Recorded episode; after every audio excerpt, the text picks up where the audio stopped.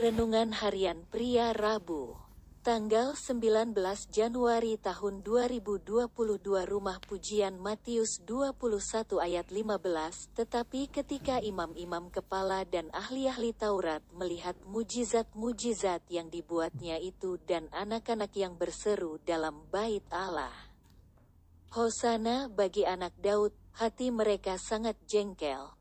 Ketika Yesus mengembalikan fungsi bait Allah sebagai rumah doa, kuasa Tuhan dinyatakan. Orang-orang sakit datang ke bait Allah dan mereka mengalami mujizat kesembuhannya.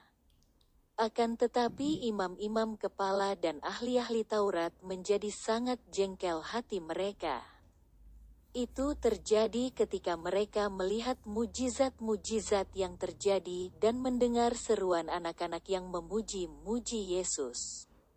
Mereka mempertanyakan apa yang dilakukan oleh anak-anak itu. Lalu Yesus menjawab mereka bahwa Tuhan sudah menyediakan puji-pujian di dalam mulut bayi-bayi dan anak-anak. Ada dua arti di sini. Pertama, Tuhan menjadikan manusia untuk memuji dan menyembah Dia. Kedua, Tuhan mau bait Allah itu dipenuhi dengan puji-pujian kepadanya. Kebenaran itu juga berlaku bagi Anda dan saya yang sudah ada di dalam Kristus. Karena di dalam Kristus kehidupan kita adalah bait Allah, maka kehidupan kita juga harus dipenuhi dengan puji-pujian dan penyembahan kepadanya. Karena Bapa di sorga mencari penyembah-penyembah yang benar yang menyembahnya dalam roh dan kebenaran.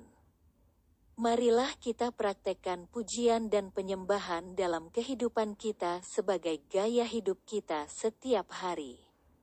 Kita memuji dan menyembah Tuhan bukan hanya pada saat kita ada di gereja saja. Kita memuji dan menyembah Tuhan setiap saat, karena untuk itulah kita diciptakan oleh Tuhan. Refleksi diri, apa yang firman Tuhan katakan kepada Anda? Bagaimana kehidupan Anda dengan firman Tuhan itu? Catat komitmen Anda terhadap firman Tuhan itu. Doakan komitmen Anda itu, pengakuan imanku, dengan pertolongan Tuhan saya menjadi anaknya yang suka memuji dan menyembah Tuhan.